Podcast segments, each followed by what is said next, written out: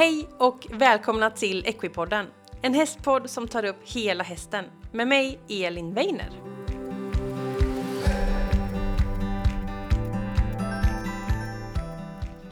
Varmt, varmt välkommen till veckans avsnitt av Equipodden. Och vilket avsnitt vi har framför oss. Vi har nämligen legenden Anders Eriksson som är med i podden och det känns jätteroligt. Och Anders och jag, vi pratade om så mycket. Vi hade lite tema välfärd och hästvälfärd eh, när vi pratade ihop oss om vad vi ville prata om. Och det är det vi tar avstamp i med alla de här skandalerna som har varit i ridsporten. Och utifrån det så byggs det här fantastiska samtalet. Och Anders börjar med att berätta vem han är och var han kommer ifrån och hela hans historia som är jättekul att lyssna på. Han delar med sig av sin livslånga historia och det här med kunskapen kring hästen. Vi pratar mycket om kunskap, vi pratar om vetenskap, vi pratar om beprövad erfarenhet. Och eh, vi landar i många intressanta aspekter och det är ett stort samtal så håll i er, det är otroligt bra. Så ah, nej men alltså vi får helt enkelt köra igång. Så här kommer Anders Eriksson.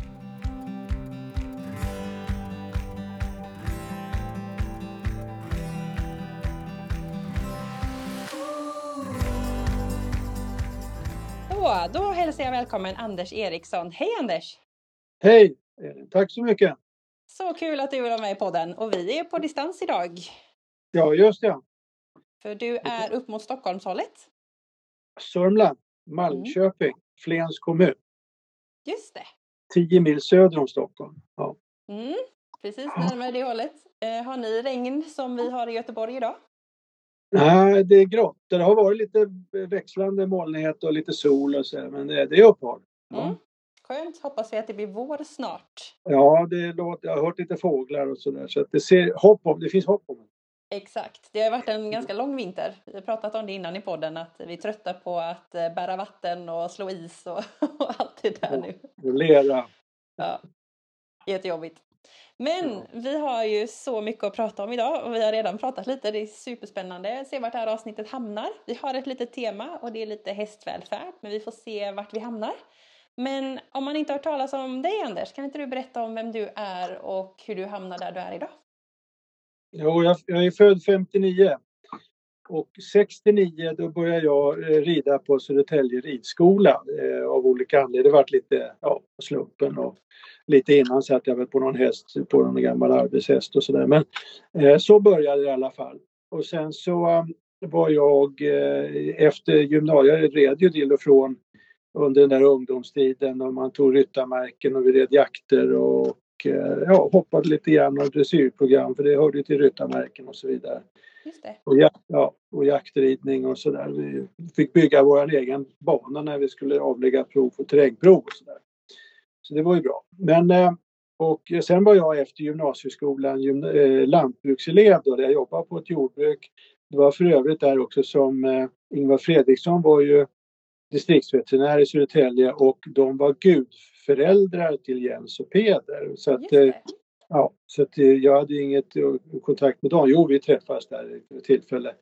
Och sen så var jag på, på, hamnade jag på Flyinge ihop med Erik Andersson som han hette för de hade Jens redet stod där och så. så det var ju precis i den tiden du vet, när eh, det, vi hade 70 000 hästar i Sverige ungefär och det var då de startade, Ingvar bland annat med flera, för att få igång aveln. Och det, mm. de trodde att veterinär, veterinärer, det fanns det inget behov av i framtiden för hästarna var ju på väg ut. Ungefär så var det. Just det. Just det. Lite.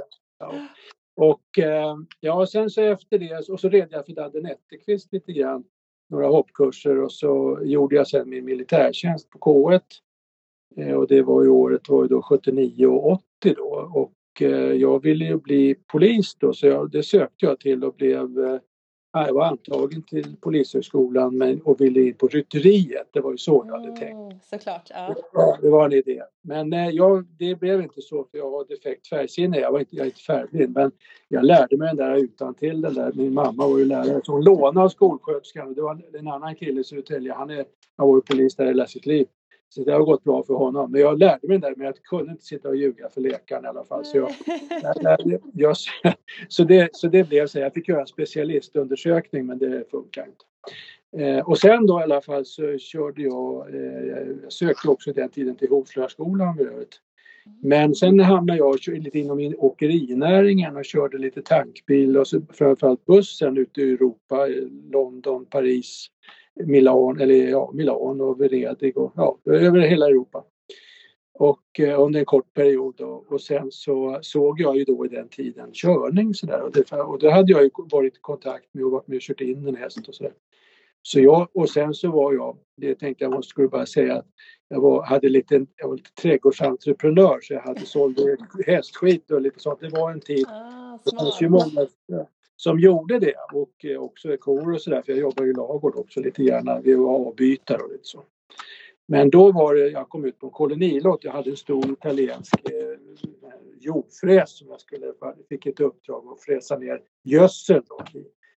Och då frågade jag, så såg jag att det där var ju kutterspån och så var det lite hästskit och så frågade var kommer den där skiten ifrån? Ja, det är kungens skit, sa ja. Så det var Och då, då tänkte jag, eh, ja, och så kom det ju fram till att han jobbade ju på hovstallet och så skulle, tyckte han att jag skulle söka det vikariatet för han skulle plugga. Klas-Göran som han hette. Och det blev ju sen på lite olika vägar så hamnade jag där på ett vikariat och eh, det var fyrspannstävlingar på Flying och så vidare. Och sen när jag gick på jobba på Hovstallet, det var en fantastisk, eh, måste jag säga, tid. Skola, det var ju ingen skola men det blev ju så. och eh, jag, under den tiden så gick jag, hade jag förmånen att gå Hovslövarskolan också i Skara, jag hade häst med mig dit så att jag, nej, jag hade det väldigt bra. Och eh, på det viset och lärde mig väldigt mycket under den tiden. Ovärderligt skulle jag säga.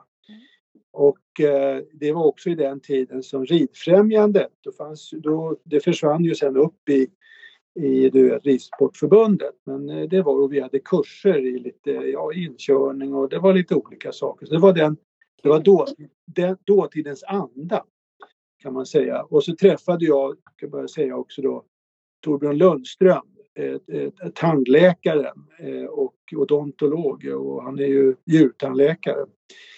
Eh, och eh, Ja, och Sara Nyman senare, veterinären från Vetlanda och sådär. Så och sen har jag varit hästföretagare kan man säga sedan 91 med hovslageri och bröllopskörningar och ja, kurser och tömarbete. Det utvecklade sig och gjorde utbildningsfilmer. Så den här filmen jag gjorde 98 som hette Tömkörning, den blev ju, jag gick ju till förbund och sa att man behövde dokumentera gubbarna på Flyinge så jag ville ju inte göra den själv. jag tyckte jag var liksom för ja, ung. Det fanns ju de som kunde mer eller var erfarnare. Men då, sa, då förstod inte utbildningschefen det och sa nej men ta hand om det där du Anders, ta hand om det där du. Ja, så gjorde jag ju det.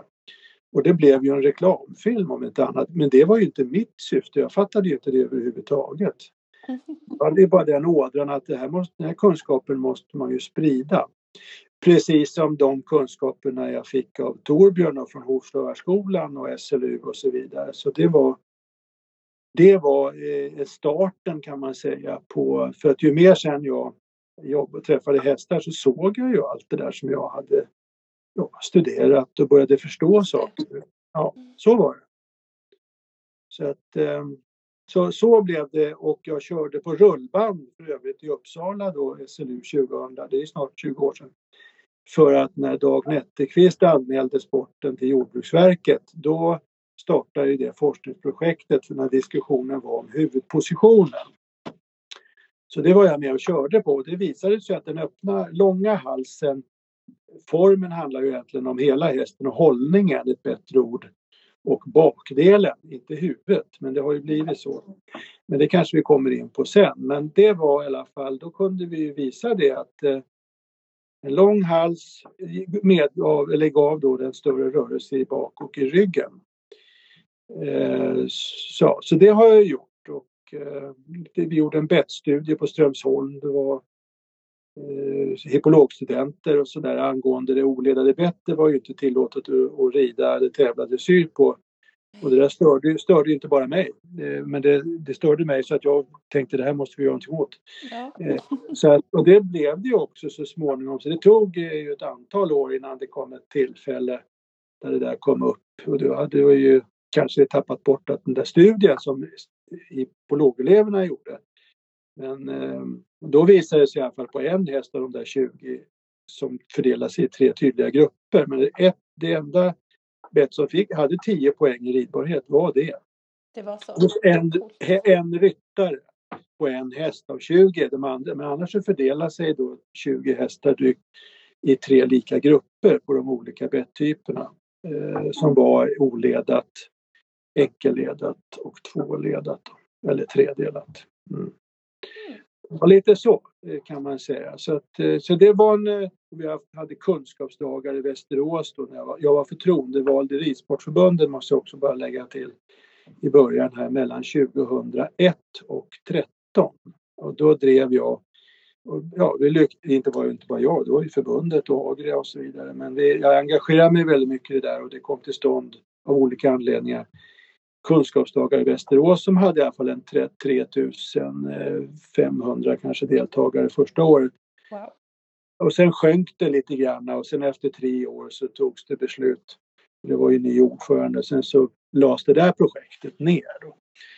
Eh, så det var liksom väldigt, vad ska jag säga, ja, inte nybyggaranda men det var liksom en anda som for åt det där hållet. Liksom, som jag tyckte var viktigt och så vidare. Mm. Just det. Och eh, du har ju en lång gedigen erfarenhet. Men hur ser det ut idag då? För du gör ju lite föreläsningar och många känner till dig från tömkörningen då. Den här filmen, det är så roligt för att eh, den hade ju såklart jag när jag var liten och tittade och studerade väldigt noga. Tömkörningsfilmen. Men hur ser det ut eh, idag? Ja, jag har ju inga hästar kvar då sedan två år tillbaka. Och jag har ju alltså kört en 5-6 tusen mil om året i ja, sen 20, ja, man kan ju säga sen då, alltså sen 87, 80, 98, förlåt, 98 när jag, vi gjorde den där filmen. Och då tog det ju fart med både det ena och det andra såklart. Och, och, och då sen fortsatte vi gjorde, gjorde filmer och så lite bö några böcker och så vidare. Eh, så att, eh, men jag gör precis eh, det jag alltid har gjort och med lite variation. Och idag just nu då sedan två år eh, tillbaka kan jag säga, jag skrev ju till Nationellt centrum för djurvälfärd. Så att vi och det följer ju väl ut. Och vi har jobbat med, vi är ju veterinären Sara Nyman och jag eh, med ett projekt. För det söktes ju då medel från Jordbruksverket för att göra just sprida kunskap mm. om vad djurskyddslagen säger om användning och utrustning och träning. Så den håller nu Sara på och läser in det manuset eh, med de här, alltså det, det är väldigt mycket eh, alltså, omfattande men eh, det ska vara klart här nu det är ganska snart och det handlar om ja, det som vi har gjort över tid kan man säga. Vad lagen säger om användningen av hästen. Så det, så det, det, gör, det har ju varit lite sånt och sen nu när det våras lite grann så jag ska till Danmark och jag ska till Norge och det är lite allt möjligt. Reser hit och dit och upp till Norrland lite grann. Så att det börjar att röra sig lite sakta. Det är lite, lite lugnare nu. Och det finns säkert flera anledningar till det. Men jag är fullt aktiv med det där. Och det, vi var i, för övrigt i Svenska Wedgeföreningen i förra helgen. Det var Mats Pårup och jag, veterinären, pratade om eh, munnen och aveln lite grann också för det, är ju, det kan man ju, kan du ju yep. ställa en fråga kring. Men, och så visade jag då lite grann på några par hästar där hur skillnaden är också när man tar bort bett och när man byter bett och till någonting som hästen blir nöjd och helt plötsligt försvinner alla problemen. Ja. Enkelt ibland. ja, det är man, men då måste man ju ha den kunskapen och insikten och så vidare. Yes, hitta exakt vad det var man skulle byta ut inte så enkelt. Nej. Eh, du har ju verkligen en stor erfarenhet och som sagt många känner, ifrån, känner igen dig mycket från tömkörningen men du är ju också en stor förespråkare kring det här med hästens korrekta arbete och att hästen ska må bra och välfärd. Och jag tänkte att det vore så kul att lyssna lite, du som har varit med i så många år. Hur ser du att ridsporten har utvecklats från hur det var får man säga, förr då, tills eh, hur det ser ut mer idag med träning och hästens arbete och hästens form och, vi, och sådär? Ja, det är en väldigt bra fråga. Eh, jag skulle bara säga det att man ska komma ihåg att då när jag till exempel Hovstallet då, det är ju ett levande museum. Det är ju som att kliva in i ja, 1903 typ. Och eh, hur gör man precis på det sättet? Det handlar ju inte om sport och tävling utan det är ett nyttobehov. Precis som det militära. Och det har ju vi, det var det som då när armén avhästade 68. Då, då, ja, då, sen sattes det ju fart för att man ville att det här skulle överleva. Eh, och så det var en. Och som jag sa då, jag red ju för Netterqvist och så när, när Dadde Netterqvist eh, började och eh, ja, det var ju politik då. Det är ju i princip då i den 98 där då, då anmälde han ju ridsporten eller dressyrsporten till Jordbruksverket. För ja, alltså att de var på, riktigt på fel väg och då utgår ju han från den veterinärmedicinen som fanns då, de arméns instruktion och det var ju, den var, det är ju bra saker. Sen att vi har pedagogiskt, det finns andra böcker idag som inte säger då att de är, ja, de är tydligare, det finns mer bilder. Och det är inte så lätt, om inte man har sett och förstått så kan man ju inte förstå texten man läser. Precis. Det, så det, därför, det har ju vi som fantastisk teknik nu då, så det var ju bra. Men, eh, och då var det ju det som Dadde eh, fångade mig. Jag red ju honom, då var jag 18 år. Va? Så sen var det ju i princip 20 år senare eh, nästan så när han satte igång och kritiserade, vilket han gjorde med rätta. Det är ju samma personer egentligen som är fortfarande, men då var det också i kvällstidningarna bilder på grammantyglar och lite sånt. Och, eh, många tyckte ju att Dadde var en besvärlig människa och att det var inte bara han, det var ju flera som var kritiska.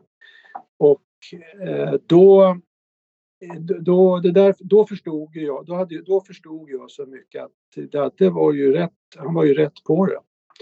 Med det han försökte säga. Och sen intervjuade vi honom och då var det han kritiserade var ju just det här med huvudpositionen. Det som mm. alltid har varit ett fel både på hoppsidan och eh, kan man säga ja, i körning eller på dressyrsporten. Så nosen framför pannan och så ska hästen hållning förändras ju. Det är inte det att man inte påverkar påverkad huvudposition kanske i vissa lägen, det gör man ju, men det är bakdelen som är formen och inte huvudet. Och det var ju det som han med flera eh, kritiserade. Och eh, ja, och jag förstod ju då vad han sa och sen var han ju inte ensam och sen kom det ju flera eh, med tiden och som jag nämnde då när vi körde på rullbandet, det var ju syftet att ta reda på eh, ja, hur är det då? Sen så var det väl inte riktigt bra kanske med den studien när de kom ner till Schweiz senare men på rullbandet så kunde vi visa i alla fall att den, den långa halsen medgav störda, alltså inte rygg och bakben. Mm. Och sen över tygen var det som var såklart inte bra. Det hänger ju också ihop jag kan ju prata på mycket som helst, men den här övertygen, då, då söker ju inte hästen eh, kontakt utan då undandrar sig mm. hästen kontakten med, kan man ju säga, där med bettet eller och det finns olika anledningar till det som exteriör och sadlar och allt. Det, det är väldigt komplext mm. att det här. Men då var det ett väldigt fokus på huvudet och det är också tragiskt, jag ska säga det i sammanhanget, eh, Svenska Ridsportförbundets yrkesprov då, som kom till då 94 ungefär och den här hästhållningen i praktiken. Där står ju inte alltid sanningen i den. Och det skapade ju ett fokus på huvudpositionen. Och de här hjälpanordningarna som det står bland annat i den boken att eh, ja, man ska känna till. Och då säger jag så här, man ska inte känna till någonting av det där. Men varför de kom fram i den tyska instruktionen, det var för att man skulle lära ryttare, alltså träna sits. Och att nybörjare skulle liksom kunna få en känsla av vad hästen skulle vara. Men jag som då ja, förstår varför hästar inte hamnar där de, ja, dit man önskar. Så ta bort människa, ta bort sadel, ta bort bett och så får man gå tillbaks och sen kolla så att det inte är något fel. Alltså att hästen har fysiska Eh, rent alltså smärttillstånd, då får man ju ta tag i det. Mm. Men eh, eh, och där har ju sen det bara fortsatt och domarkåren var väl en notering jag gjorde, de har ju varit under all kritik eh, får man säga. Det är inte lätt att vara domare.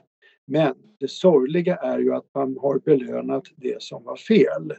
Och då kan vi ändå säga att det är i princip 30 år sedan den kritiken började lyftas av inte bara han utan det var ju många i det internationella perspektivet så att vi har fått en helt annan andra normer, ideal och det har ju tyvärr inte eh, ja, man, ska, jag ska, man behöver inte anklaga någon men lantbruksuniversitet eller myndighet, det är ingen som har liksom hållit i det där och, och sen har att det började gå lite fort sen med tränarkåren och så vidare för innan fanns det bara ridlärare. Mm. Så jag var ju också en produkt av att det, eftersom jag var aktiv i en sport så blev jag också tränare. Men jag, jag vill påstå att jag hade tack vare min start i Hovstall och en hel del personer så hade jag eh, tillgång till en viss litteratur och en viss nivå på kunskap. Och sen som jag sa, jag träffade Torbjörn Lundström och med flera då, då tändes det ju liksom lite lampor som gjorde att jag förstod och kunde lägga ihop saker och ting. Och det var det som också varit en drivkraft för att folk har ju frågat efter min kunskap. Och den har ju inte blivit sämre med tid utan jag kanske har träffat 20-25 000 hästar över tid. Så att jag har lite grann i min kunskapsbank så att mig får de inte tyst på eftersom jag kan ju det jag kan. Och jag står upp för det jag kan mm. och blir också ombedd av andra att jag ska yttra det jag kan. Eh, och tillsammans då med då veterinärer som är kompetenta på riktigt alltså. Så att Sara Nyman, Torbjörn med flera. Och det känns ju fint. Så att det var det också jag skrev till ICES igår att det, man kan inte bara mäta allting, man måste koppla ihop de praktiska kunskaperna med då den här forskningsbiten så att eh, det är då det kan lyfta på riktigt, eh, vill jag påstå. Mm. Och, ja, jag ska vara tyst där, jag stannar där nu Elin lite grann så får du så du, det var ganska uttömmande där. Ja, intressant. Men jag gillar att du sa det här med att koppla ihop den praktiska kunskapen med det vetenskapliga. För en trend vi ändå ser i, inom ridsporten, eller egentligen i alla discipliner i samhället, det är ju att man går mycket på vetenskaplig grund och att det görs mer och mer forskning. Och vi har haft med etologer i podden till exempel som eh, en etolog som lyfte att det var inte så många år sedan vi fick fram forskning att hästar har känslor och att de mm. får eh, reaktioner i kroppen på olika sätt. Att man inte visste det innan kan vi tänka att det är ju självklart att de har känslor. Ehm, men att det ändå går ganska fort med mycket forskning. Och det tänker jag kan ju hjälpa men också som du sa det här att koppla ihop den faktiska kunskapen med den praktiska, den vetenskapliga och att se hur det ska kunna leva ihop. Eller hur? Det är ju det också Sara säger, för just att det, det, blir ju så, jag ska inte säga att det är så lite märkvärdigt ibland med all forskning, men då är det så att Sara säger så att vi tillsammans, vi kan mer än forskningen eftersom vi sitter på, hon sitter på sin medicinska kunskap och, och disputerade och kopplingar till ja, de databaser som har studier och så vidare. Så det finns ju väldigt mycket, men det kan ju inte gemene man komma åt och börja leta. Nej, tyvärr. Eh, och eh, och jag kan ju så att vi, men vi, det, det där är ju, vi hoppas att det går åt det hållet för att annars så är det ju så att om man plockar bort, för allting går inte att göra vetenskap på.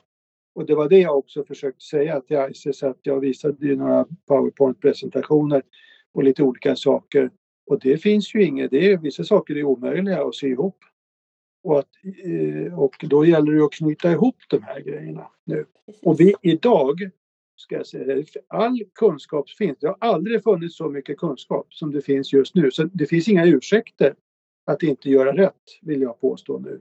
Och vi har klassiska utbildningsmetoder som lever genom olika människor eh, som inte finns i sporten. Men sporten har liksom kört i diket på riktigt. Så kan man säga. Just det. Nej men precis, jag vill lyfta det du sa där att det är väldigt svårt för gemene man att att tackla en vetenskaplig artikel. Det läser man ju på universitetet i många år för att lära sig att lyckas förstå vad en vetenskaplig artikel egentligen vill säga och vad den innehåller. Eh, så då måste vi hitta lättare sätt att få till kunskap. Och du säger det, det finns ju väldigt mycket. Det finns ju till exempel poddar, det finns videos och det finns många institutioner och personer som vill dela med sig av kunskap. Och det är faktiskt väldigt roligt. Men om man tänker att vi ska skapa en bra hästhållning och en bra djurvälfärd och ett bra arbete. Vad tycker du att man behöver kunna som hästägare för att kunna liksom ha det bra eller skapa ett bra liv för hästen? Eh, jag ska först bara göra en liten sån tillbakablick bara. Förr fanns det ju böcker som inte hade några bilder och sådär. Det fanns ju inte så mycket film heller för den delen. Nej, eh, Fredriks, Ingvar Fredriksson var, var ju väldigt tidig med doserade baser. Han, de filmade ju på och skapade doserade eh, kurvor på travet. Och då höghastighetsfilmar man och det pratar vi om 70-tal. Mm. Men eh, eh, ja, så att det var på, jag tappade tråden lite grann där med den nu när jag flöt ut med det. Eh, nej, så att jo, så att man, man har ju åkt ifrån vissa väldigt mycket praktiska eh, kunskaper då som vi har haft i böcker. Och sen när då hästen blev tillgänglig som den blev, jo, förr så lyssnade man på läraren. Innan telefonens tid, innan tvs tid och så vidare. Då, prat, då umgicks man, då var det läraren som var den där auktoritära personen. Det behöver inte vara en auktoritet, kan, kan det vara en auktoritet. Men man lyssnade på folk som kunde mer, som var lite erfarnare. Och sen helt plötsligt så släpptes det där då när man skulle då skapa sporten och hästen blev tillgänglig eh, på ett sätt som inte hade varit tidigare och då fanns det ju inga krav på kunskap utan det blev ju så med gröna kortet för att du mm. skulle få tävlingslicens. Och gröna kortet handlar ju ingenting om kunskap det handlar ju bara om att du ska kunna. Det sa ju ingenting om någonting annat. Nej, och då, och då eh, du nämnde ju ordet välfärd, det är också ett populärt, höll jag på att säga, det pratas ju om de fem domänerna nu eh, som ett exempel på det. Jag, skulle också, jag vill också lyfta, det kanske vi kan komma tillbaka till, men det är ju mera fråga om djurskydd mm. som vi, vi ser nu. Det är inte hästvälfärd utan det är djurskyddsproblem som vi har som är ganska stora. Eh, men hästvälfärden den handlar ju om hästen som biologisk varelse. Väldigt många förmänskligar hästen och det har också bidragits av all försäljning av udda eller suspekta fodermedel, eh, utrustningar, tecken, eh, ja you name it. Med allt massa skräp egentligen som hästen behöver ju inte detta. Och det är ju inte välfärd utan att man måste förstå vad en häst är. Och så ska jag då bara klämma in att i Bibeln, som jag inte läser, men jag vet ju att där står det att eh, djur inte har några känslor. Så vi har ju vi har ju det, det där religiösa historien och eh, tacka för att djuren är undantagna från att ha känslor. Eh, och sen ska man också skilja på känsla och känslor. Det tycker jag är jätteviktigt. Man får inte bli för känslosam emellanåt. Nej, väl, välfärden handlar om att ha respekt för hästen som biologisk varelse. Eh, och att de har en livsmiljö för att jag har ju också skrivit lite i anteckningar nyttobehoven. Mm. Då, då var det ju som det var. Jag kan ju bara titta på jag köpte ju den här fastigheten där jag bor nu för tio år sedan och där var det ju en spilta där hästen stod och så var det några kor, eh, inte så många, väldigt få. Och det var grisar och det lite, lite sådär. På, det var ju så det var på 30-tal och så vidare och innan det. Och det, då kan man säga så här, ja, hästarna har större utrymmen. De eh, ja, slipper stå bundna inne i en eh, i dålig eh, det, luft. Mm. Du förstår hur det varit med ammoniak och eh, mögligt hö. Och, ja, det var som det var, så det var ju inte liksom bättre förr. Men Eh, de här, fyr, de här små hagarna som kallas för hagar, det är ju egentligen box, uteboxar med, med, med band. Ja, det är ju ingen, det, ja, det är, det är ingen hage liksom. Och det är klart att ställer man en häst där när det blåser hårt från väster, ni vet ni som bor på västkusten, mm. och så regnar det på tvären. Det är klart att det är ju inget bra för hästen att inte kunna gå i skydd. Så man måste hela tiden sätta hästen i det rummet och många som, de är inte så många nu för tiden, Jag klippte ju gräs för övrigt i, i Hagaparken och i Flens kommun också med mina tävlingshästar sen när de var lite pensionerade. Men de som jobbar med brukskörning de har ju, håller ju inte på med tecken. De kan ju lägga en filt på om det skulle vara så men hästarna har ju inte, de klipps kanske i en viss omfattning. Och så där. Och så jobbar ju hästen då x antal timmar varje dag så de är väldigt tacksamma över att få vila för det första men de, det är ingenting som säger att de behöver vila inomhus. Men eh, de behöver också kunna få eh, för många hästar lägga sig ner och sova och vila. De sover inte så länge men de måste kunna vila. Så att vi, vi utgår från de hästen som biologisk varelse och människan, vi har inte de behoven som att vi skulle transportera människor och gods eller jordbruk och militärt. Va? Så att vi har ju det för vårt vad ska jag säga, nöje och sport och det ligger ju på olika nivåer. Både hos hobbypersonen och sen de som är yrkesverksamma, eller på att säga. Och då menar jag, ja det finns alla ridskolor och allting men också som är i, i, i sporten internationellt och där är ju några enorma pengar eh, mer på hoppsidan. Och där använder man ju hästarna på ett sätt som, ja, det, är ju, det har ju ingenting med vår historia att göra. Eh, och då menar jag, det var ju inte sämre bara för att de kanske, det var inte bra att de stod i spilter men vi har ju historiska filmer som jag fick tillgång till som var den fyrbete stridskamraten och så vidare som vi har i den här filmen. Alla mina filmer som vi har gjort ligger på gratis att titta på på min hemsida. Mm.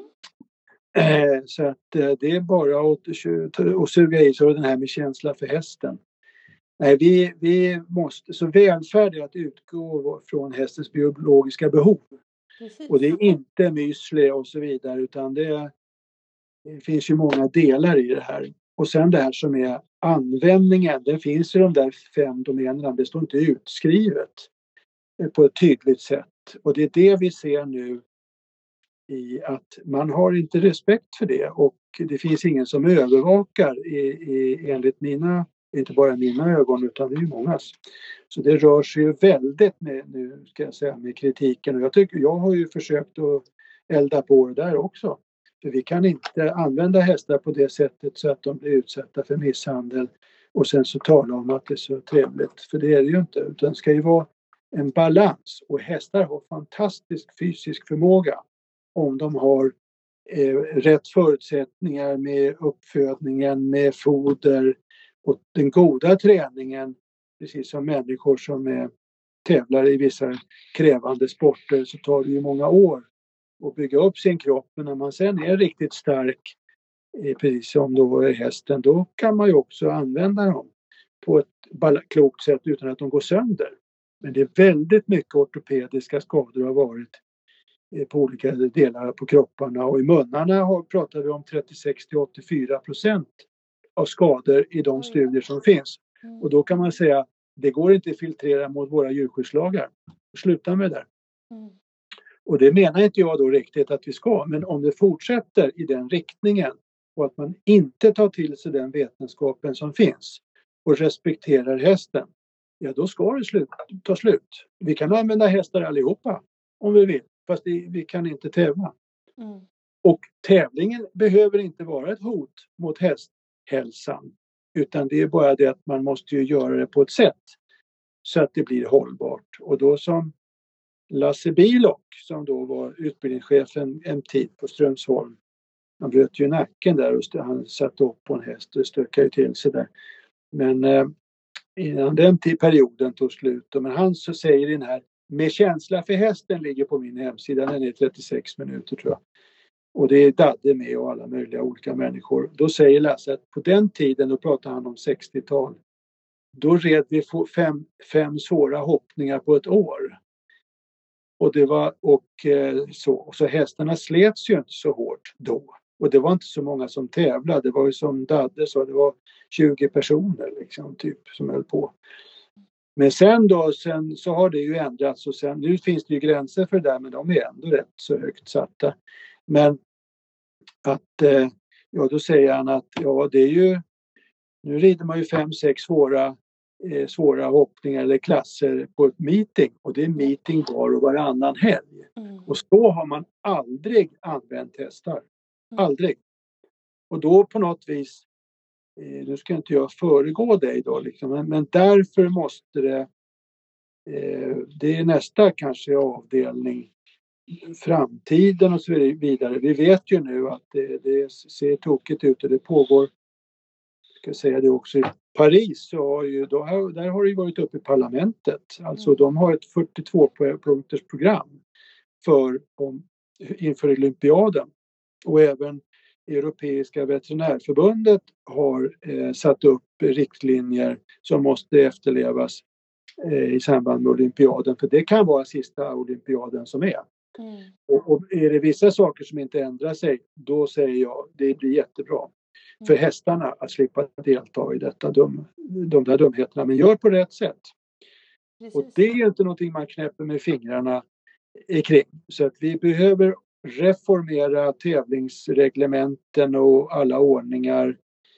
Eh, och man ska belöna de som gör rätt. Men gör man fel, då, det är ju som i samhället, vi kör lite fort ibland kanske eller av misstag eller vad det nu är. Det händer när man passerar de där lite granna. Och då blir det en konsekvens. Eller att man är, om man sen, det är väl inte det grövsta som har hänt några kilometer men, eh, men det finns ju ordningar i samhället eh, i alla fall som ska reglera. Och det där måste vi vakta på för att eh, annars förstör man ju sporten och det har man ju, är man ju på god väg. Så jag varit ju uppringd av en kvällstidning här i, häromdagen blev intervjuad och vad jag tyckte om bilder som jag såg, eh, då från Rotterdam. Mm. Och då säger jag, det där är ju, det är, det är inte ens, ja kanske djurmisshandel, det är djurplågeri. Och det pågår. Och det här är ju taget såklart med en eh, systemkamera med, med riktig mm. objektiv. Nej men så att eh, framtiden då måste vi ha ett eh, nytt tävlingsdjurskydd. Man måste reformera väldigt, väldigt mycket. Det, Anders Darenius vet jag inte om du känner till, han är veterinär, har varit väldigt verksam på avelssidan mycket. Han har varit eh, banveterinär på travet. Och Anders har, han jobbar nu mot det politiska och på olika sätt eh, och mot myndigheter också eh, för att vi ska få till en statlig utredning. Så att han, eh, därför att den här organisationen som hästnäringen har, det är ju en, ja, en LRF och sportorganisationer och så vidare. Och ja, vi, hade, vi har haft eh, lite digitalt möte med dem för ett par, tre år sedan då. Vi har gjort alla liksom, försök och eh, även Kungliga Skogs och Lantbruksakademin och, och så vidare. Och det är åtta år sedan utan att egentligen och förbundets dåvarande ordförande eh, för att försöka. Men det har ju inte ja, lyckats. I min, I min värld i alla fall. För det har ju och de har knappt förstått heller. De kände inte igen det vi sa vid ett tillfälle. De förstod inte vad vi sa. Mm. Men nu sköljer, nu sköljer Operation X med mera, med mera, med mera. Yep. Nu kommer det. Eh, tyvärr. Tyvärr. Mm. Men det är bra att det kommer upp därför att det är det enda sättet att vrida de här klockorna rätt. Så måste det där fram i ljuset. Precis. Det har ju varit väldigt mycket skandaler nu. Jag tänker, jag vill bara koppla tillbaka lite fort eh, innan vi går in och pratar lite om det. För att du sa en sak som var så bra där att man Dels får man titta på hästens biologiska behov, typ röra sig, vad den behöver för typ av mat och socialt behov och, och de här delarna. Och där mm. tänker jag att där kan man ju ha mycket lagar kring, alltså att det finns lagar och regler kring att hästar inte får gå själva till exempel eller hur stor hage man ska ha och alltså sådana saker. Eh, men sen när man kommer, sen kommer det in lite på det här med ridning, träning och sport, att det är liksom en egen del som är väldigt svår och att där är det behövs mycket kunskap. Och jag tänker visst tävling, att vi behöver tävlingsreglemente och att domarna behöver på något sätt stoppa dålig ridning och premiera bra ridning. Men det svåra är ju också att alla tävlar inte. Jag tänker att många kanske äger sin häst, kanske bara åker på någon tävling någon gång ibland eller tränar för att det är kul och är i skogen och, och har ett härligt hästliv. Eh, hur kan man nå ut med att alla ska få den här kunskapen? Vad, vad tror du om att liksom nå gemene man med de här sakerna? Ja, det är bra. Det här eh, hemsidan som görs nu på SLU SKAV, den, mm. Den innehåller ju allt det där. Allt det. Det är 300 slides säkert med bilder på munnar, det är inlärningsvetenskap, eh, det är hästens biologiska behov, det är utrustning, sadlar, rubbet.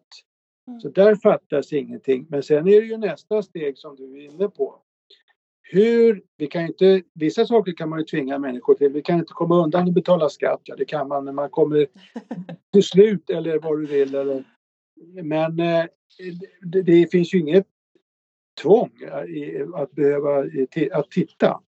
Och väldigt många människor når man inte. De vill inte, de vill inte ha kunskap för de tycker att de har det redan. Det finns vetenskaplig studie på det. Hon heter Eh, hon är professor i Holland, Inga Wolfram och en veterinär som heter Gemma Pearson i Skottland. De har gjort en studie på det här. Så att vi når inte, även om vi, du och jag vill berätta för hela världen hur man ska göra för att det är bra för, för, för sporten och näringen och för hästen. Så är det må, många människor, de har andra gudar eller så här, de vill inte höra på det utan de gör som de alltid har gjort. Och det behöver ju inte alltid vara dåligt heller för den delen.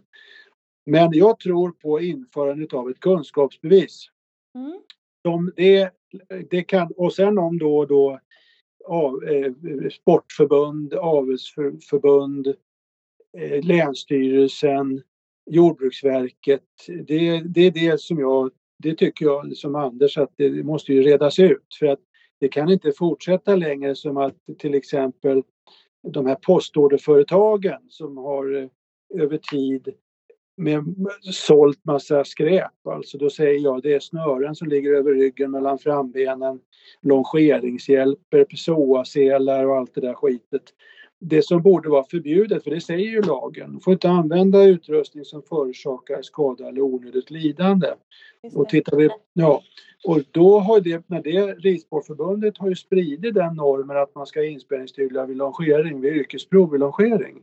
Mm. Ja, det, de handlade ju om sittsträningen. Det handlar inte om utbildningen av hästen, men de, det har ju blivit så.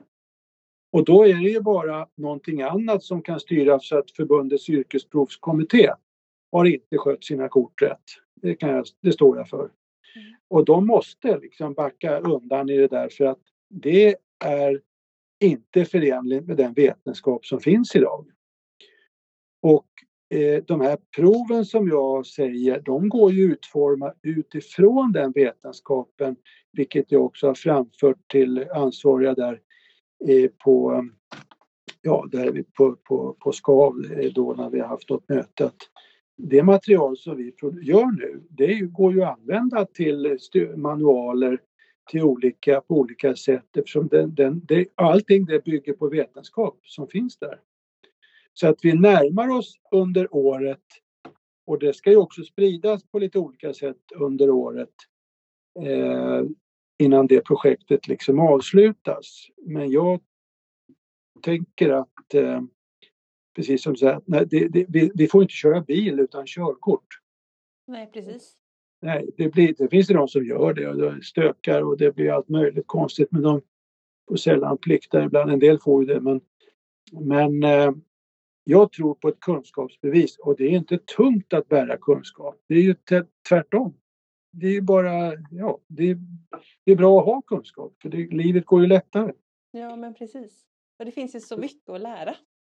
Absolut och det, det är helt enormt och jag bara säga, tillägga där också det som jag är med i den här BET-gruppen på Nordic College of Equine Dentistry som Torbjörn Lundström har skapat. Torbjörn var ju förnekad liksom. Han var lite persona non grata när han som tandläkare gav sig in på djurområdet. Nu är det ju han som eh, ja, är med och skriver böckerna. Det är 38 personer i världen som har tillfört sin kunskap dit och eh, driver det han gör och utbildar människor. Vi var ju där i Brasilien och det är USA och det är alla möjliga länder i världen. De andras kritikerna, de är ju frånåkta och en del har ju lämnat jordelivet kanske men eh, de, de, ja, så det är fantastiskt det som har hänt när det gäller kunskapen om munnar. Mm.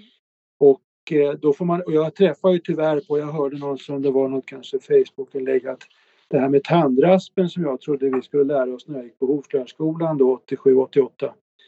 Eh, Då tyckte Barbro Atrell, våra veterinärer, nej det där är inte så bra, ni håller på med det där. Och jag fick reda på två somrar sedan här varför det var så. För jag frågade en hovslagare som gick där och var lärare en kort period på Frescati i Stockholm innan man flyttade till Skara 77. Så frågade jag hur kan det komma sig att man lärde ut det här med tandraspning? Jo, det var för att veterinären var så dålig på att hantera hästar så han tyckte det var bättre att vi höll på med det. Det var sagt säkert. Så att kunskapen då om munnar, eh, det är ju likadant med alla områden. Jag menar, penicillinet eh, fick man ju fram eh, precis vid andra världskriget och så vidare. Men kunskapen kring munhålan utan tandläkaren Torbjörn Lundström som jobbat med kanske 45 olika djurslag inklusive delfiner med laserkirurgi och allt vad han gör. De plockar ut tänder på hästar och rotfyllor och stoppar tillbaka. Det hade inte hänt utan honom och Ove Wattle kan man säga och med flera eh, runt om i världen. Så att det här seminariet som var nu i, i januari då, det var det fyra professorer från olika delar av världen i embryologi bland annat med mera. Det är helt fantastiskt. Och tittar man då på att det är fortfarande människor som anlitas just kanske också i ditt område, inte bara där, eh, som har varit i USA eh, och några helgkurser och kommer hem och börjar fila på tänder. Ja. Det hoppas jag att Jordbruksverket kan förbjuda mm. och sätta stopp för. De ska mm. inte anlitas eller vara inne i någon hästmun och göra någonting därför att det är, de har inte den kunskapen. Precis. Precis. det har vi också lyft i podden att uh, det med tandraspning och Bra. vad veterinärerna pratar om. Det är Bra. faktiskt jätteviktigt, en sån eh, ja. enkel sak att tänka på. Och sen unders allting börjar med en undersökning och det är många hästar de har med frakturer och tandköttsinflammationer och det är allt möjligt. Mm. Så det kan man aldrig bota med det. Nej, Nej. Nej precis. Så det har blivit bättre Elin. Vissa ja. saker har blivit bättre. Mm. Och andra har gått åt andra hållet. Så jag, mm.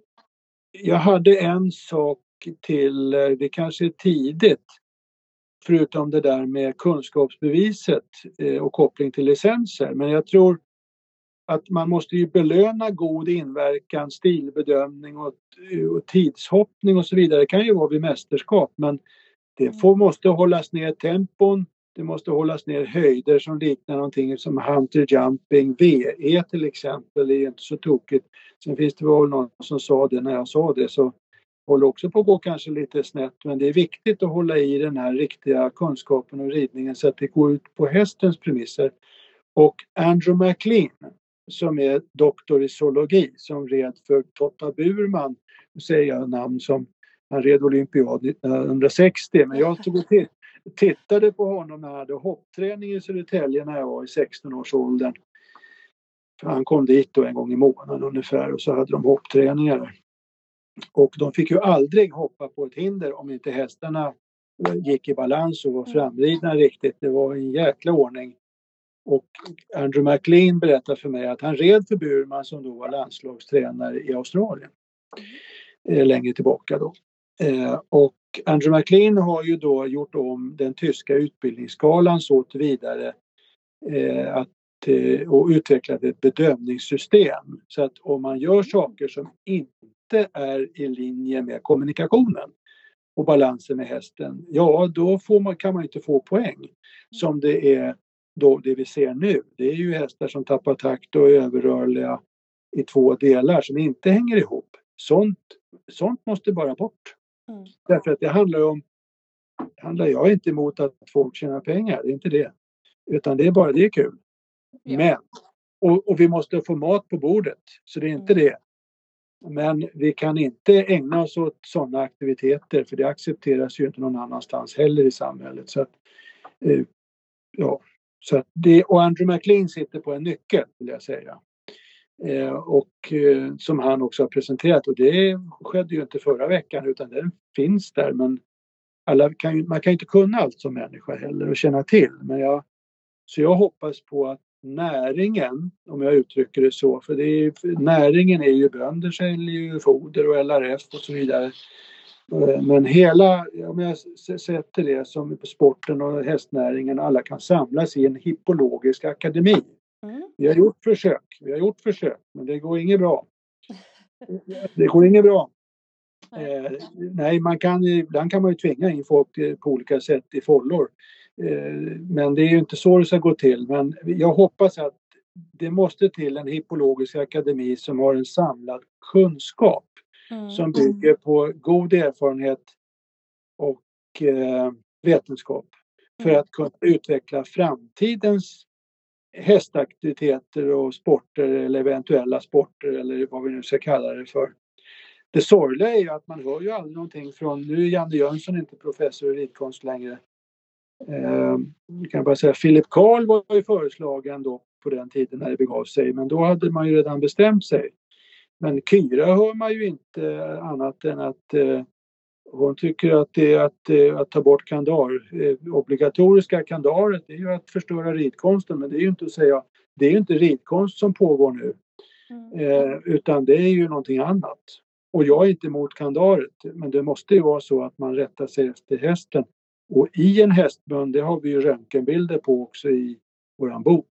Det finns ingen plats i en hästmun för bett, utan man lånar alltid av tungan och lite andra saker. Och, det måste man, och den kunskapen sitter inte FI och Ridsportförbunden och så vidare på. Och de veterinärer som är satta att sköta, många i alla fall. Nu finns det ju som väl är många veterinärer som är utbildade och gått fortbildningar så att det rör sig. Och det kommer att hända saker under året, det vet jag eftersom den här bettgruppen jag sitter med i ska försöka ta fram då riktlinjer och eh, råd för just de här ämnena. Mm. Ja, nu ska jag vara tyst. Mm, det händer ju mycket grejer tänker jag. Och jag tänker att det finns ju, ja det är de här skandalerna som har varit och det var ju lite det vi eh, stam, liksom, eh, stampade vår avsnitt ifrån. För jag skrev till dig och så sa jag att eh, det här är en väldigt stor sorg för mig för det har varit det. Det sista ja, sen den här operation X kom och även allt som har hänt i USA med han tränaren där och, och, att det har dykt upp mer bilder till höger och vänster.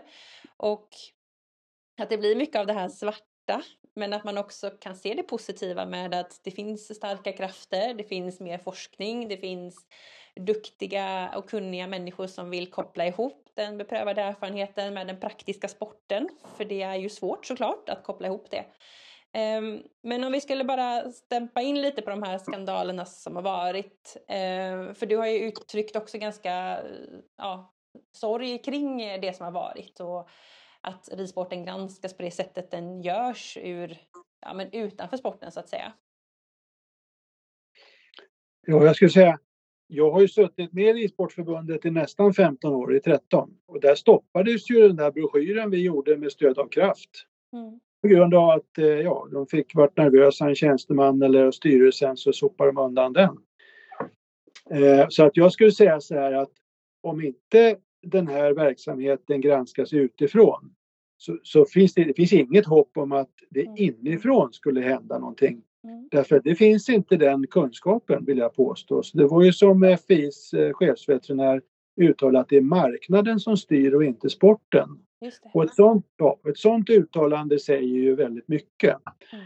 Så att det är ju tack vare krafter runt omkring som till exempel de här i Frankrike och Sveriges veterinärförbund nu har ju tagit lite initiativ vet jag och eh, ska väl ha någon dialog här med förbundet eh, ja, ganska snart eh, med anledning. Så att eh, det är ju tur att det finns människor som är raka i ryggen en del människor är ju inte det även fast de går upprätt. Eh, och det, de, det beror ju på att man saknar kunskap ibland. Och sen är det då, ja det är tystnadskultur, svågerpolitik, det är pengar framförallt, mm. Eh, inte minst. Eh, och då, men vi har ju som sagt både regelverk i sporten så att det skulle ju inte behöva vara så svårt. Men man, mm. man lever ju inte efter de regler som redan är nedskrivna. Så det egentligen behövs det ju inte nya regler. Utan det är bara att man ska ta tag i det där. Jag säger bara, det är som att du hade korrupta poliser som liksom eh, man blir stoppad för fortkörning. Till exempel, jag tar det som exempel, det är inte så ofta det har hänt, ja nu, nu var det lugnt på länge. Men i alla fall, så säger ja men kan, här, har du, här har du ett par 500 så här.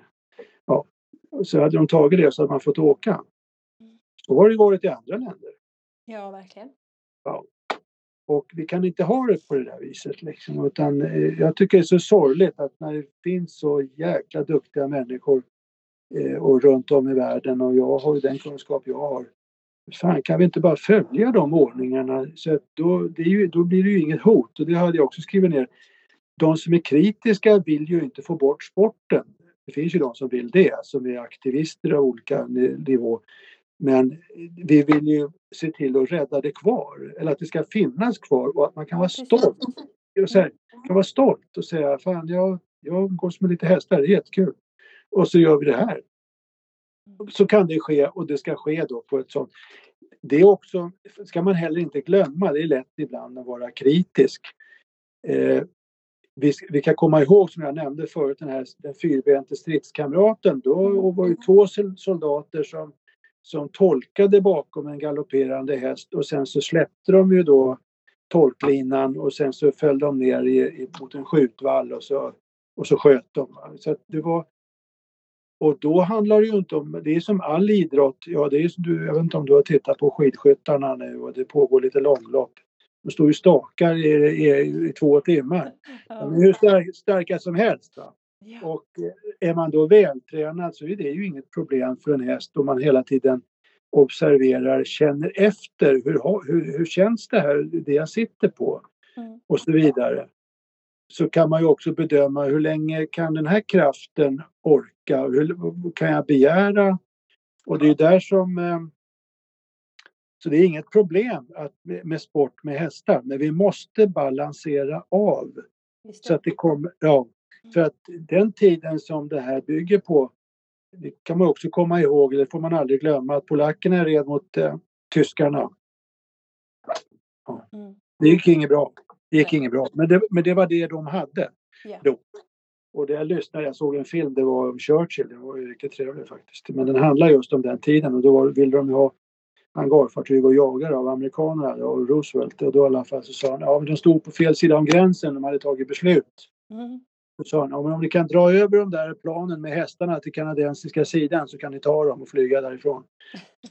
Så då, då var fortfarande hästen, då flyttar man ju, en hästar kan ju flytta på väldigt mycket. Mm. Och det är bara rätt storlek på och de är tränade, de är ju starka. Så, att, eh, vi, så vi får passa oss liksom med det där och det är likaså med aven hade jag också skrivit att aven har ju, kan ju inte riktigt eh, slå sig för bröstet tycker jag. De har ju avlat och belönat eh, hästar som har, eh, det är väldigt smalt mellan frambenen, väldigt korta ryggar. Ibland finns ju inte plats för en sadel. Det är ju som få gå till dagis nästan och, och, förskola liksom för att få en rumpa där liksom som kan få plats i sadeln. Mm. Mm. Och eh, och, det, och sen är det då att man belönar den här överrörligheten som man har gjort och det är för sorgligt alltså. Ja. Så vi måste ju... tillbaka. Ja, men vi precis, tillbaka. aveln är ju jätteviktig eh, ja. att tänka på också. Svårt område så att mm. vi får glada att människor orkar som har lägger tid för det kostar pengar och det är väldigt mycket arbete för att få fram hästar. Mm. Då kan man ju inte misshandla dem heller i andra änden. Mm. Eh, utan vi måste ju verkligen göra rätt idag när vi vet vad som är rätt.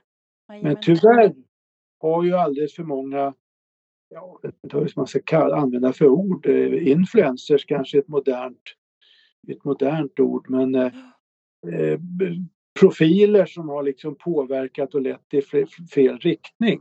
Mm. Och det var ju som Sara Nyman, eh, säger det bara, hon skrev ju till Agrias VD då när hon rekommenderade att människor om de vill ha kunskap skulle prata med tränarna. Och då mm. så skrev hon ett mejl för att eh, det finns ju inte den kunskapen gedigna. Det var bättre på det viset i vissa delar eller ridlärarna som hade en längre, mycket längre utbildning och så vidare. Men just tränarkåren har ju varit väldigt, eh, jag har ju suttit med i tränarrådet i, i en roll från förbundet och sådär. Alltså från tävling och, eh, tävling och utbildningssektion. Mm. Ju vissa grejer där som handlade om lite, ja, vi skulle försöka få fram någon rekommendation med, så skrev jag att man inte skulle använda grammantygel och då gick det inte att få bort det. Mm. Eller att jag får till det, för det kunde man använda om man var kunnig. Ja, men det är mm. de som inte kan som behöver ha den. Och så vill jag också säga konsekvensen av om man fixerar halsen Mm. i ett statiskt läge och så rider man en viss mängd tid. Mm. Det får allvarliga konsekvenser för, eh, eh, för ligament och olika receptorer i halsen. Så att man förstör alltså hästens förmåga till att använda sitt balansorgan. Mm. Och det leder ju till skador som är oreparabla. Liksom. Så att, Mm. ja, vi, bort med alla sådana där grejer också inför modern inlärningsvetenskap. Och där har vi människor som besitter detta. Och eh, Flyinge har väl varit lite i blåsväder. Det handlar mer kanske om eh, vad ska jag säga, organisatoriska saker och lite drift och sådana där saker nu. Men eh, tyvärr så har vi ingen eh, riktig, vi har ingen plats Mm. som leder ridkonsten. Ibland Mm. pratas det om ridkonst och det talas om hästvälfärd.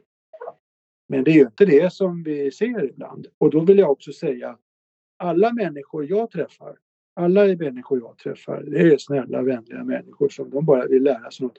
Det, de har inga tokiga idéer. Det finns ju någon som kanske har fått något om bakfoten någon gång. Och det brukar jag säga till då liksom på ett ja, balanserat sätt. Men det där, jag bara vill ta bort villfarelsen. Liksom. Eller att säga, nej så är det inte riktigt. När man lägger skulden på hästen. Mm. Mm. Det, det, det, det finns en orsak.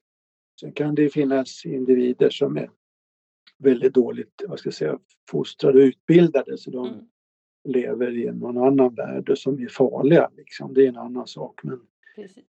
ja, så att, eh, men just att vara på marken är ju där man lär sig. Och det, SLU, jag ska säga något positivt. De, jag ska tydliga, jag, tror, jag visste inte vad jag frågade Elke Hartman eh, vad hon vad de var.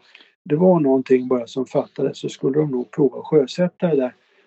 Eh, för vi var på en workshop här för något år sedan och det handlade om att just att titta på kunskapen som du är inne på. Eh, hur kan man inte implementera det bättre på ridskolan? Man har gjort någon förstudie då. Vad, vad sa ridlärarna? Säger, ja men vi, vi eh, gör det. Jaha, så frågar man eleverna, gjorde de det? Nej, det gjorde de inte riktigt. Och så, vidare.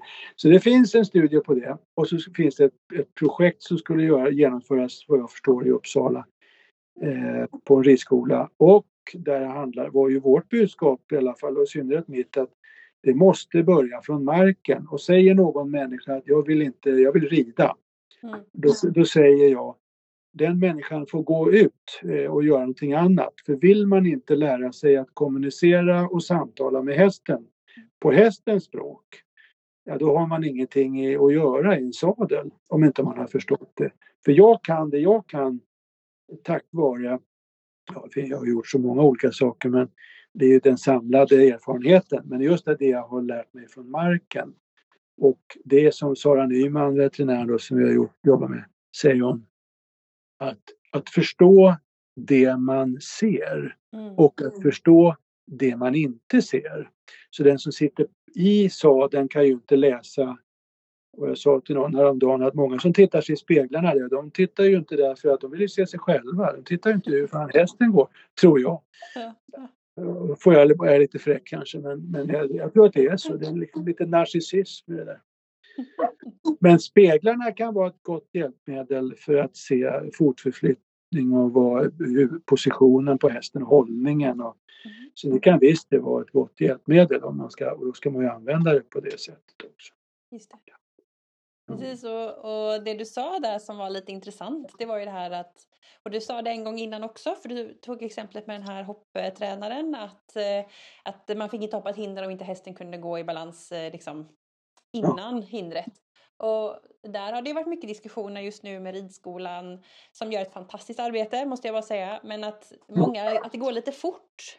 För när jag till exempel, och jag är ju inte riktigt lika gammal som dig då, men jag började på ridskolan i ganska många år innan man liksom fick första ponnyn och sen kom det häst och, och grejer. Men idag är det många som köper ponny eller sådär ganska snabbt till ganska små barn och man kanske går väldigt fort och det har varit lite trender jag har tittat på på TikTok framförallt när man har delat om hur man rider och så kommenterar man varandra att, att man vill så mycket att det ska gå så fort hela tiden för att man vill visa hur duktig man är. Upplever du också det? Absolut, du har helt rätt. Och det är det som är, jag kallar det för fort och fel. Och det här, Alltså det är en gammal diskussion egentligen. Eh, ja, när jag satt med i förbundet och det lämnade jag ju då 13 så att det var ju innan där mm. ett tag. Då var det på ett SM för ponny i Skövde. Eh, och då eh, införde man ju då, det kanske var lite, vad ska jag säga, osmidigt sätt att göra det, men det vart ett jäkla liv när man skulle ha in stilbedömning och inverkansridning. Mm. Eh, och eh, då skulle ju de här föräldrarna som då var ju problemet såklart, eh, eh, som satsar mycket pengar, och det blir ju det där. Då, då ville de bilda ett nytt ponnyförbund och skulle bryta sig ur. De fattar ju inte det, de fattar ju inte hur det funkar. Men det var ett jäkla liv. Men jag ska också säga det, jag var och tittade på Sundbyholm i, eh, i somras. Eh, och det var, jag kommer inte ihåg vilken månad men det spelar ingen roll. Eh, och då var det ju stora tävlingar där och då var det en kurskamrat till mig, en hovslagare som eh, var där med sina, sin dotter och hon, hon led, låg bra till och tvåa den där inverkansklasskuppen. Ja, och då, då kunde jag konstatera att det såg ju riktigt bra ut. Jag kunde hjälpa dem med lite betslingen där så det var lite ännu bättre. Men det var en sak, men det var ingen där som gjorde tokiga saker på den framridningen och det sa Tobias som han heter att gör de, hittar de på tokigheter här då åker de härifrån. De, mm. då, då, det, det, det, går inte. Och då kan man ju säga att det är ju bra då att man övervakar det. Sen såg jag ju då på 1.40 eh, då var det heller ingen som gjorde någonting konstigt där. Det är bara det att när nivån eller höjden ökar mm. då ökar svårighetsgraden och då blir det då blir det lite grann med vissa saker som jag då står och ser och läser och förstår vad, hur hästen har eh, då det hackar och har sig lite grann och martingallerna och du vet. Mm. Men eh, det såg jättetrevligt ut på ponny eh, gjorde och eh, eh, Eh, det är inte det att de inte kan lära sig saker men det var ingen tokridning. Så att det är skönt att man har fått bort den och jag pratade också med en överdomarutbildare som har, han sitter ju med i förbundet jag ringde honom med anledning av Falsterbo. Men där kliver man inte fram. Då pratar jag inte om hoppningen just nu. Det finns bilder på hoppning där som inte är bra. Eh, men, eh, och då tänker jag på jäkligt hårt åtdragna nosgrimmor och så vidare. Yeah. Det är riktigt höga tryck där. Men det är ingen som går in på framridningen och tar tag i, i dressyrryttare som fortfarande, det har blivit det såg inte så jävligt ut som det gjorde då för 2018 när polisen ledde ut eh, Julie Taylor med mera. Mm. Eh, och då ringde jag polisen i Malmö och undrade vad de sysslar med. Eh, och anmälde också en person till Länsstyrelsen. Men det föll under, det var för lite lidande och för mycket arbete. Okay. Ja. Så vi, vi måste städa för att annars så kommer inte sporten bli så mycket längre, eh, äldre. Nej, precis. Eh, jag var i Paris, ska jag bara nämna också. Jag var först på, i Bryssel på en sån här tandläkare veterinär dag av olika anledningar för att diskutera lite framtiden där med den här bettgruppen. Det var det ena och jag fick vara med där som icke legitimerad. Så det är kul. De hade så här hot potato day så de pratade om lite känsliga ämnen när det gäller behandlingar och sådär. Men sen åkte jag vidare till Paris till det här seminariet som ska vara nu i april Eva van Avermaet, den här veterinären som startade det kollektivt på Le mm. Henne har jag haft inte så mycket kontakt med, men lite grann sådär bara och eh, skickat dit någon 500 jag gjort ett par gånger för att han höll på att ruinera sig liksom för det där. Och så tänkte jag att vi får bidra med lite eh, och stödja det där. För det där är ju viktigt och då har det ju varit FI-representanter, veterinärer och domare och många så det var lite spännande att vara med. Så att det pågår en väldig mm. eh, påtryckning. Och det är det som också är lite kul i det här samtalet Anders, det är att vi har pratat mycket om ja, förbättringspunkter får vi kanske sammanfatta det som. Eh, saker där ridsporten har lite att göra men vi har också lyft saker som är på väg framåt som är positiva. Och det har vi pratat på en bra stund. Så jag tänkte att eh, vi ska börja försöka runda av lite grann. Men jag tänkte att jag skulle be dig om du kan försöka göra någon, någon lista eller några punkter. För vi har pratat mycket på en ganska hög nivå med förbund och domarkår, tränarkår, att liksom göra stora förändringar. Men jag tänker att vi ska försöka plocka ner oss lite på den, ja, den generella ryttaren som vi nämnde förut. Vad tycker du är viktigt? Några punkter att tänka på för att skapa en bra miljö för sin häst? Har du några sådana? Ja, det, det, jag, jag byggde ju här då när jag, jag hade hästarna i Polen en tid av olika anledningar, ett par år. Eh, och jag byggde en lösdrift. Mm. Alltså det är kombinerat. Så det finns ett stall som går att värma upp och så vidare. Men eh, det gjorde jag så att man har en lift. Och det lärde jag mig att just att hästen får röra sig. Den behöver ju röra sig eh, för att hålla sin kropp precis som vi igång och eh, på ett naturligt sätt. Det finns många sidor på allt det där beroende på vad man gör och så är det tid och så vidare, praktiska grejer. Men det är viktigt att man har en häst som är... Hästen är häst, det är mm. viktigt att de får vara hästar. Och eh, de, de fryser inte som vi gör och så vidare. Men eh, det är en bit. Och sen när vi kommer till... Idag finns det ju inlärningsvetenskap. Mm. Så att man sätter sig in i det så att man kan kommunicera med hästen. För vi tror ju, vi människor, det gäller, har ju hjälpt mig också, man tror att de förstår vad vi tänker. De har ju ingen aning. Det kan de, ibland är de är så känsliga så att det räcker ju med att man själv bara vrider bålen lite grann, då har hästen känt det direkt. Och man är, det, det gör de och de ser det också. Så att, men jag ville bara säga det att vi, att vi inte förmänskligar och det här med munnarna är ju någonting, spelar ju ingen roll vad jag är om jag är i Brasilien eller Kiruna eller vad det är. Då är det ju samma story varje dag. Och det är inte så att det är människorna som är något fel på, eller det behöver inte vara något fel på hästen, det är bara att de har inte fått rätt förutsättningar. Mm. Utifrån att det är en kunskap som är väldigt komplext för att det handlar om hela kroppen. Så man måste ju förstå hur hästen har det och fundera på och just när man ska köpa häst så måste man ju titta också. Det är inte alltid så jäkla lätt. Man, när man inte har pengar och så vidare, men man, man är ju begränsad där, så de flesta är ju det i alla fall. Eh, och då måste man också vara noga med så att man också har rätt förväntningar. För man kan inte, man kan inte trolla eller koka soppa på en spik. Det finns väl någon story om det. Men, eh, det är viktigt att man får, har rätt förutsättningar, rätt förväntningar och rätt kravbild. Mm. Det skulle jag säga. Och att mm. man sätter sig in. Vi har ju gjort böcker och den här hemsidan som kommer snart ja. eh, på Skav, den innehåller ju allt det här som vi pratar om. Vi gör det. Men inte bara vad lagen säger, för den säger, men allt är beskrivet med inlärning, utrustning och träningen, vad som är grund, grunden liksom mm. för allt. Ja. Mm. Det blir jättespännande att kolla in det när det kommer. Ja, hoppas jag. Och, Precis. Då är vi tillbaka. Då har man ett eget ansvar att ta till sig kunskapen för att göra det bästa utifrån sina förutsättningar och för sin häst. Ja, det är bra att du sa det, för det är också det som är Ja, det är ju det som lagen säger när det gäller behandling och sådär. Det är ju hästägarens ansvar att se till att det, man anlitar kompetenta personer. Och idag så har det ju också blivit en förändring men det finns, det kan vi, det kan vi säkert prata på två timmar till om.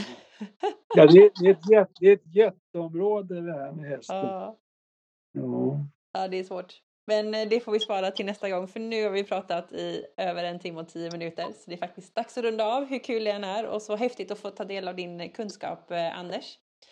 Ehm, som sista fråga så, ska, så undrar jag om man tycker det var intressant och vill komma i kontakt med dig. Eh, hur kan man göra då? Ja, det finns ju, finns ju kontaktuppgifter på min hemsida och sen mm. så säger jag igen, det, all, all, det är 16 timmar film totalt som är gratis att titta mm. på. Och eh, den här finns ju på e-böcker nu. De kan trycka. Jag ska göra en tömbok nu förresten, den har jag gjort men det har blivit fördröjt två år. Eh, det är en omarbetning så att eh, det, den kommer nu under fram till sommaren. Och hemsidan är ju www.anders-eriksson. Men om man söker på Anders Eriksson så kommer det ju upp och där ja. finns som sagt jättemycket att titta på. Så då har ja. man något att göra till helgen kanske. och titta ja, på lite hästfilm och läsa lite. Ehm, men fantastiskt! Jättekul att du vill vara med i Equipodden. Jag får säga stort tack för ett härligt samtal. Tack för att du ville att jag skulle vara med.